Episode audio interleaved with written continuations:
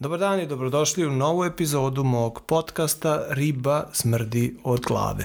Danas pričamo o komunikaciji sa stranim kompanijama i želio bi da vam dam pet saveta kako da osigurate da vam je komunikacija sa stranom kompanijom još uspešnija.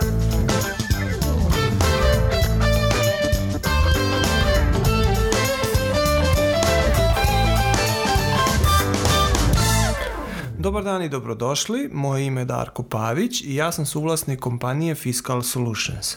Fiscal Solutions je proizvođač softverskog rešenja za fiskalne zemlje i posluje već 18 godina na svetskom tržištu. Radimo sa kompanijama iz čitavog sveta mogu da kažem, iz jako puno zemalja i imamo instalacije naših rešenja u najmanje 18 zemalja ovoga sveta. Drugim rečima, mi smo naučili da komuniciramo sa stranim kompanijama, a ova epizoda će se posvetiti upravo tome, znači komunikaciji sa stranim kompanijama i pokušat ćemo da obradimo pet saveta koje ja lično vidim kao interesantni i važni za komunikaciju sa stranim kompanijama. Naravno da svako od nas misli da zna da komunicira sa ljudima i naravno i da zna da komunicira sa ljudima i to prilično uspešno. Međutim, komunikacija sa stranim kompanijama je često nešto drugčija i zahteva određeni specifičan osjećaj za tu drugu zemlju, za tu drugu kulturu ili za tu drugu kompaniju. Kada to nekome kažete da ipak komunikacija sa stranim kompanijama nešto drugčija, Ljudi se često osjećaju čak na neki način i pogođenim ili povređenim čak, pošto smatraju da već znaju da komuniciraju sa, sa, sa bilo kim, pa tako i sa stranim kompanijama. E, međutim, m, jako teško prihvataju da je način komuniciranja sa stranim kompanijama ipak drugčiji. Cilj ove epizode nije nikako da nekog blamiram ili da pokažem kako neko ne zna da komunicira sa stranim kompanijama. Nije mi to cilj. Cilj je da vam dam nekoliko saveta koje ja mislim da su jako korisni, koji su u principu meni pomogli kad sam učio da komuniciram bolje i uspešnije upravo sa tim stranim kompanijama koji su mi od samog početka bili klijenti, partneri i tako dalje. Možda prvo da vam dam par reči o mojoj pozadini i zašto ja mislim da je moje iskustvo upravo takvo koje mi daje za pravo da uopšte mogu da delim savete na kraju krajeva. Pa ovako, ja sam odrastao u prelepom slavonskom gradiću pod nazivom Slavonski brod. Taj grad mi je još uvek jedan od omiljenih gradova u svetu, a mogu da kažem da sam video i živeo u puno stranih gradova širom sveta. E, nakon srednje škole sam se odmah odselio u Nemačku i tamo sam i studirao i dugo godina naravno onda i živeo. E, za vreme studija sam već počeo da radim u kompaniji koja je internacionalna, tada se zvala Siemens Nixdorf, koja je vrlo internacionalna i moji zadaci su vezani, bili vezani za ekspanziju velikih trgovaca u razne zemlje ovoga sveta. Znači, tu sam već imao priliku ne samo da komuniciram sa ljudima iz raznih zemalja ovoga sveta i iz raznih velikih kompanija ovog sveta, nego i da provodim puno vremena u tim drugim zemljama i kroz to da učim naravno puno toga o njihovim kulturama, mentalitetu, načinu razmišljanja i tako dalje.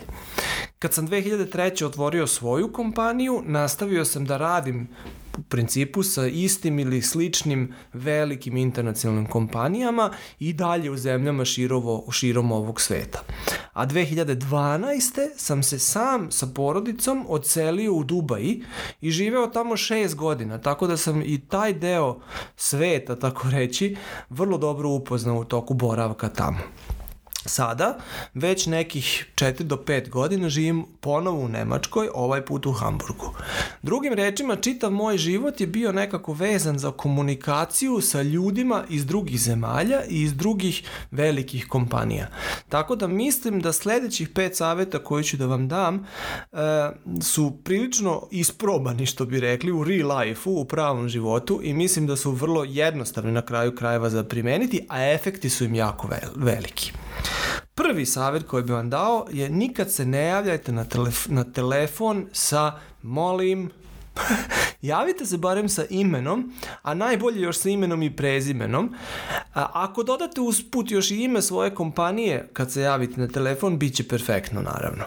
E, znam da se to često ljudima čini glupo, posebno ako se javaju na mobitel, jer misle ono pa zoveš mene na mobitel, ko će se drugi javiti nego ja, mobitel je moj, ali nije to baš, baš tako. Onaj na drugoj strani želi u principu potvrdu da nije pogrešio telefonski broj i da ima pravu osobu za komunikaciju na drugoj strani.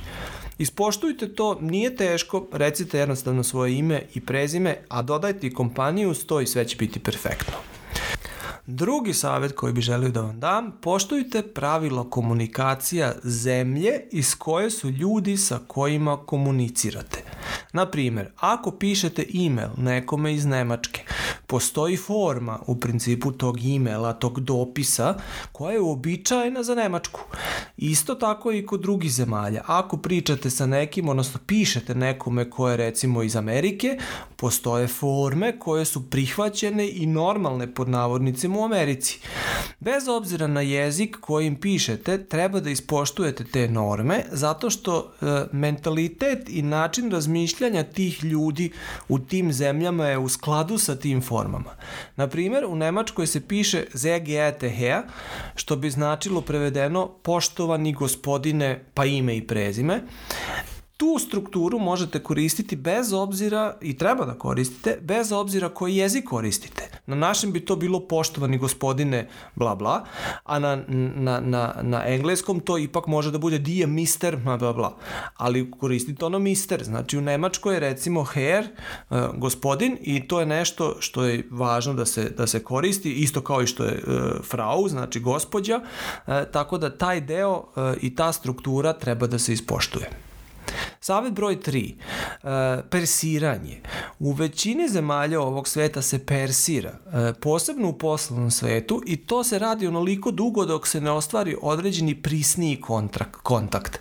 Postoje zemlje naravno gde persiranje nije potrebno, ali čak i u njima postoje forme na osnovu kojih se može pokazati da vaš sugovornik, da vi vašeg sugovornika postavljate na neku veću i višu poziciju.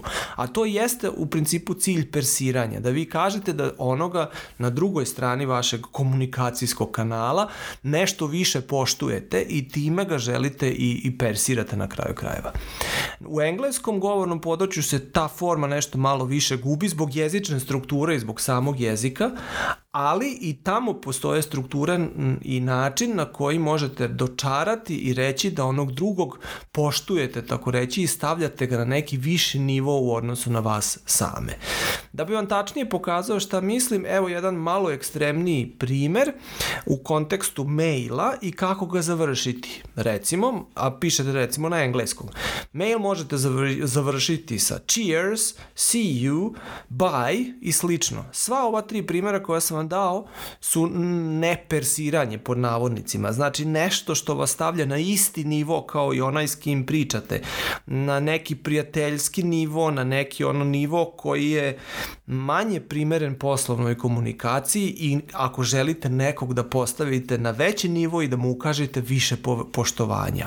Ako hoćete malo više poštovanja nekome da pokažete, onda treba da koristite recimo best regards. Slično je i sa uh, potpisom e-maila. Ako nekoga persirate, potpisat ćete se sa i punim imenom i prezimenom. Znači, ako nekome želim da pokažem veće poštovanje, potpisat ću se sa punim imenom i prezimenom Darko Pavić. Nakon pozdrava, naravno. Ako želim da signaliziram bliskost, potpisat ću je samo sa vlastitim imenom, Darko. Uh, imajte na umu da je najbolje prvo persirati, a onda s vremenom, ako se ostvari bliski kontakt, preći na sve te forme koje su manje persiranje, ličnije i nekako bliskije. Ali za početak je uvek primereno persiranje i forme koje odaju poštovanje. Savet broj 4. Kad pišete mailove i slične dopise, koristite kraće rečenice, ali potpuno u, potpune u smislu subjekta, predikata i tako dalje. Razlog je jednostavno Ovisnost, o, razlog je jednostavan. Ovisno o jeziku koji koristite, menjaju se i strukture rečenica. Recimo, u Nemačkoj je struktura rečenica uvek takva da glagol ide na kraju. To znači da je značenje rečenice u stvari postaje jasno tek na kraju. To znači da je nemački mozak tako kondicioniran da će on razumeti poruku rečenice tek na kraju. On će pričekati u principu da čuje sve. E, to može biti veliki problem koristite duge rečenice i koje su međusobno ovisne. E, onda jednostavno neki ljudi koji pričaju jezike sa takvim rečenicama gde su glagoli recimo na kraju, vas neće razumeti. Zato što će jednostavno rečenice biti toliko komplicirano, njihov mozak će čekati kraj, očekivaće na kraju rasplet i razumevanje svega što ste do sad rekli, a to neće doći i on vas jednostavno iz tog razloga neće razumeti. E, struktura maila, znači jako je važno da prvo imate jasne i kraće rečenice sa kratkom i jasnom strukturom. Na drugoj strani, struktura čitavog dopisa treba da bude isto tako jasna. Ona uvek treba da se sastoji od tri elementa. Uvoda, kulminacije i raspleta. Ako nekom prvi put pišete, predstavite se u uvodu, recite ko ste i šta vam je cilj ovog dopista. U kulminaciji predstavite temu ili problem, a u raspletu napišite svoje mišljenje ili opis potencijalnog rešenja problema. Držite se ove strukture čak i kad odgovarate na običan upit nekog potencijalnog par, poslovnog partnera ili kupca ili čak i kad odgovarate u help desku na prijavljen tiket. Drž, držite se uvek strukture uvod, kulminacija, rasplet i sigurno nećete pogrešiti. Ako su vam pritome rečenice još jednostavne, kraće, kratke, onda će vas onaj na drugoj strani bez obzira iz koje kompanije u svakom slučaju i razumeti. I zadnji savjet koji bih želio da vam dam, odnosno e, peti savjet i koji mislim da je jako važan za komunikaciju i za zajednički rad na određenim projektima sa inostranim kompanijama, a to je javljajte uvek status onoga na čemu radite. Nema gore stvari nego ostaviti nekoga u mraku, tako reći, i čekati do samog završetka nekog deadline-a, da bi onda obavestio onoga na drugoj strani da projekat možda neće biti pravovremeno završen ili da postoje problemi. Na primjer, ako preuzmete neki zadatak, obećate isporuku za dve nedelje i ne javljate se dve nedelje, a na kraju ipak isporučite recimo, sve će biti super, ali će se kupac svejedno osjećati loše. Osjećate, osjećat će se loše zato što dve nedelje nije znao šta se događa sa njegovim projektom. A to vrlo jednostavno možete rešiti. Javite se u period, određenom periodicitetu, znači u određenim razmacima, svakih par dana recimo ili jednom nedeljno, nema veze, i javite mu kako napreduje projekat. Ako nema ništa novo, recite mu nema ništa novo. Sve, sve je po starom, sve ide po planu, čujemo se sledeće nedelje.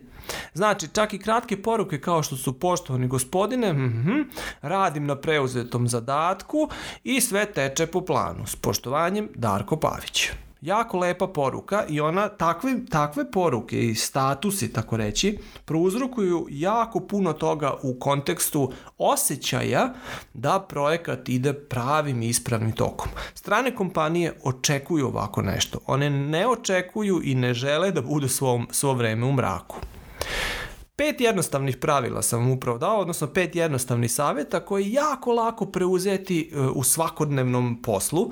Preuzmite ih, uvrstite ih u svakodnevnu proceduru komuniciranja i vidjet ćete odma poboljšanje rada, projekata i komunikacije sa stranim, sa kolegama iz stranih kompanija. Želim vam sve najbolje, želim vam da jako lepo preuzmete ove, ove savete i da vaša komunikacija postane još bolja sa svim stranim kompanijama, partnerima, e, s kupcima i tako dalje.